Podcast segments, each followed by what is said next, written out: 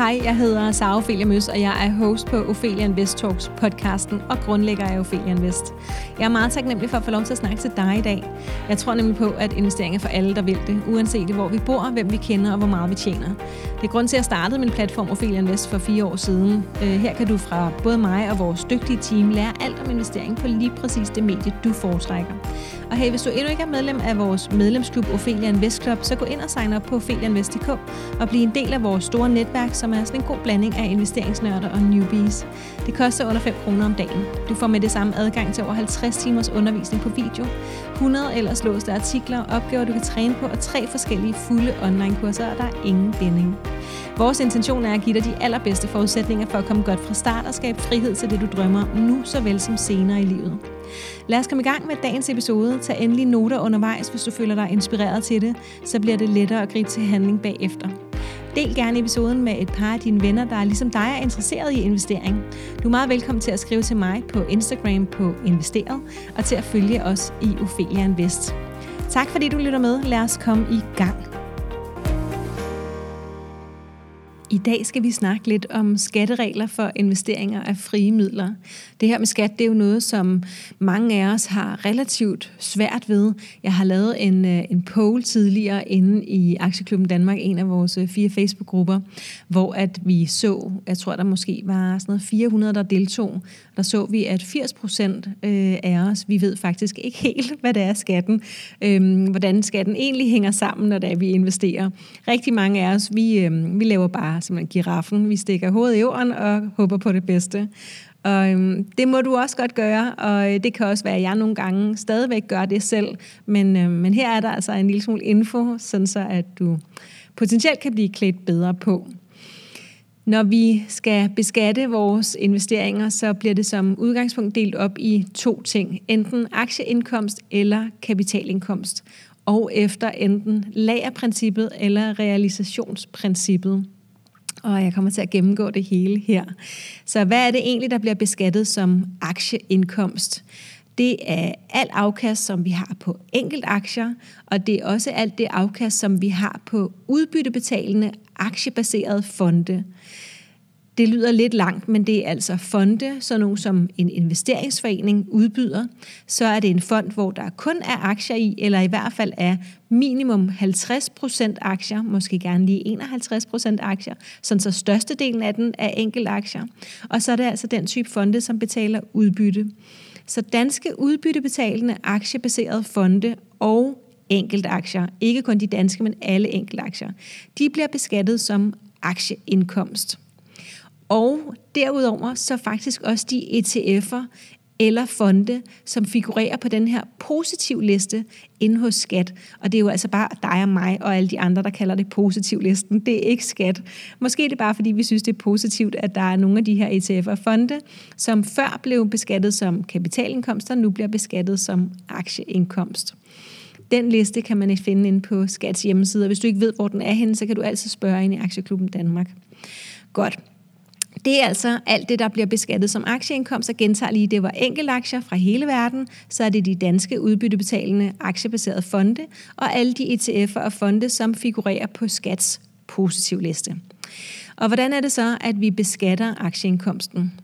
Af de første 56.500, og det er altså 2021-tal, så er de første 56.500 kroner, som vi har i positivt afkast, altså i gevinst, noget som vi har solgt og har fået et, et positivt afkast på, der skal vi betale 27 procent i skat.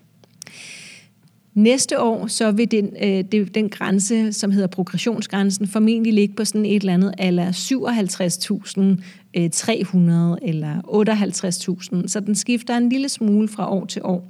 Men i år 2021 er det altså 56.500, som vi betaler 27 procent i skat af.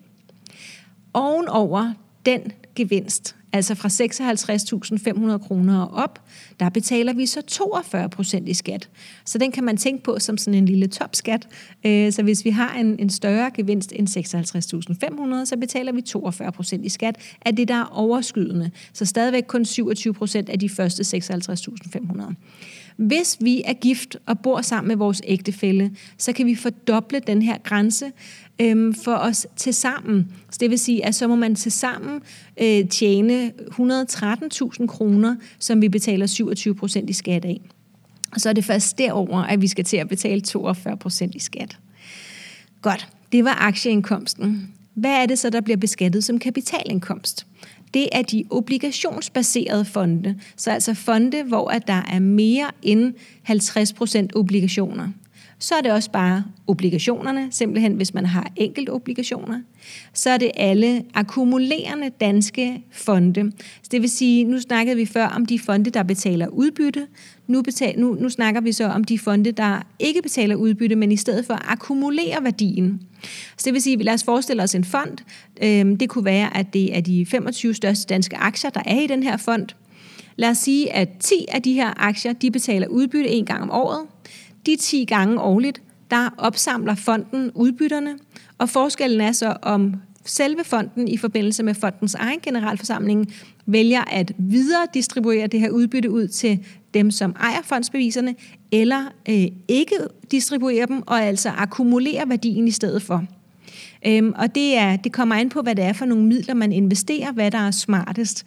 Øhm, for eksempel er pensionsmidler, de er ret smarte til de akkumulerende fonde. Hvis det er frie midler, så er, de, øh, så er det smartere med de distribuerende fonde, altså de udbyttebetalende fonde, fordi der betaler vi simpelthen mindre i skat.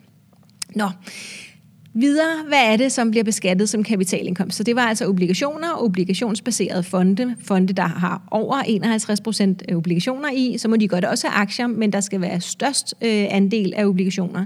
Så var det de akkumulerende danske fonde, øh, som altså ikke er på skatspositiv liste, hvor de så blev beskattet som aktieindkomst. Og så er der også de, alle de ETF'er, som ikke er på skatspositiv liste. Ja, og så er det altså også eventuelt udbytte fra obligationsbaserede fonde. Alt det her, det bliver beskattet som kapitalindkomst. Hvis du ikke kan huske det, så kan du bare spole lidt tilbage, og så kan du høre det igen, indtil du har fanget den. Øhm, og vi har selvfølgelig også artikler liggende om det her inde på filianvest.dk, hvor du kan læse det på skrift. Nogle gange hjælper det også. Godt, hvordan beskattes så kapitalindkomst? Skattesatsen, den er lidt individuel her. Den er altså ikke fixeret ligesom de 27 og de 42 procent. Her der er det sådan lidt mm, et sted mellem 36 og 42 procent, men det afhænger af forskellige forhold, som for eksempel vores indkomst, som jo er individuel alt det, vi har under kapitalindkomst, som jo altså var obligationer, obligationsbaserede fonde, ETF'er, akkumulerende fonde, øhm, alt det her, det bliver beskattet som kapitalindkomst. Og her er skattesatsen så altså fra 36 til 42 procent. Så her rører vi med det samme op i den øh, høje del af det, vi kan betale i skat. Godt. Så er det, at vi skal videre til det her med lagerprincippet versus realisationsprincippet. Lad os starte med realisationsprincippet. Når vi bliver beskattet efter realisationsprincippet, så skal vi først svare skat, når vi sælger vores værdipapirer, uanset hvor lang tid vi ejer dem. Det vil altså sige, at øh, det her med realisationsprincippet øh, og svare skat, det er altså, når vi realiserer vores gevinster og vores tab, og det er derfor, jeg ikke siger, at vi først skal betale skat, fordi det kunne også være, at det var et fradrag, vi fik fradragssatserne er de samme som, øhm, som, som de procentsatser, der er på vores gevinster. Så det vil sige, over under øh, aktieindkomsten, der får vi tilsvarende fradrag, så er de første 56.500 kroner, vi taber, får vi et fradrag på 27 procent, og hvis vi taber yderligere, så får vi et fradrag på 42 procent af det, vi yderligere taber vores fradrag på kapitalindkomst, den er så lidt mindre end det, vi skal betale, hvis vi har en, en positivt, et positivt afkast. Vores fradrag under kapitalindkomst, det er faktisk på 26-33 procent. Igen er det ikke fixeret, øhm, men afhænger af vores andre øh, indkomst osv., øh, renteindtægter øh, og alt den slags. Tilbage til realisationsprincippet.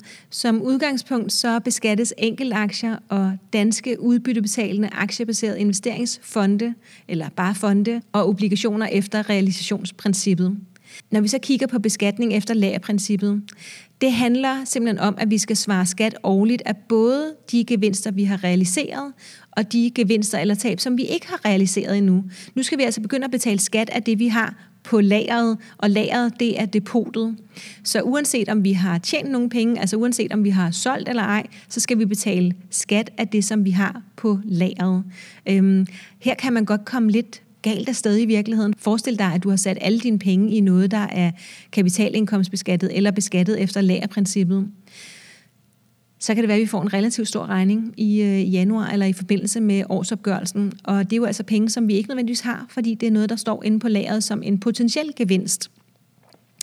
Ja, så, så det er godt at være opmærksom på, at vi skal betale skat, uanset om vi har tjent pengene endnu, eller om de bare står inde på lageret. Worst case, så kan vi jo være nødt til at sælge noget, som vi faktisk havde lyst til at beholde længere tid.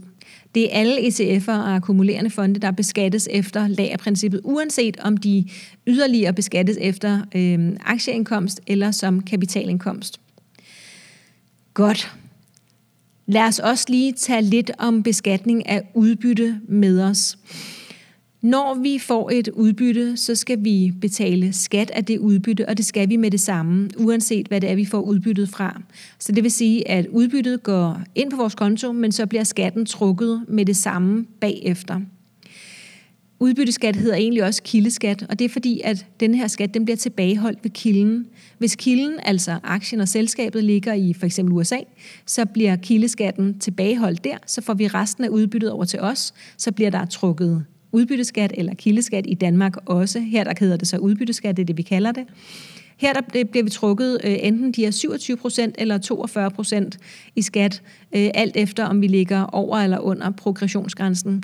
Det her det sker automatisk, øh, men i modsætning til alt andet, som er realisationsbeskattet, så sker det altså med det samme. Øh, så ikke øh, ligesom lagerprincippet en gang om året, eller realisationsbeskatning, som er, når vi, øh, når vi sælger, altså øh, ja, uanset om det så er med gevinst eller tab. Øh, udbyttet det bliver beskattet løbende. Og det, det tæller altså også i de her 56.500, den her grænse, progressionsgrænsen. Så det tæller, øh, de her penge tæller med, selvom at vi får dem løbende. Så vi skal være opmærksom på, at det her det også gælder for udenlandske investeringer. Øhm, så kan jeg måske også lige tilføje, at vi i Danmark har en række lande, som vi har en dobbeltbeskatningsoverenskomst med, som sørger for, at vi ikke bliver dobbeltbeskattet, altså vi både bliver beskattet i udlandet, som jeg lige fortalte, for eksempel i USA, at der bliver tilbageholdt skat derover, og vi så igen skal svare skat, når den kommer til Danmark, øh, resten af udbyttet. Men så har vi altså en, en, en aftale med en række lande om, at vi ikke skal dobbeltbeskattes. Så det betyder, at udbyttet højst må beskattes med 15% i kildeskat i det pågældende land, som selskabet øh, hu, altså har til huse i. Øhm, og af de her 15%, så bliver de fratrukket af de her 27 eller 42 procent, som betales i skat i Danmark. Jeg håber, du er blevet klogere på alt det her med skat.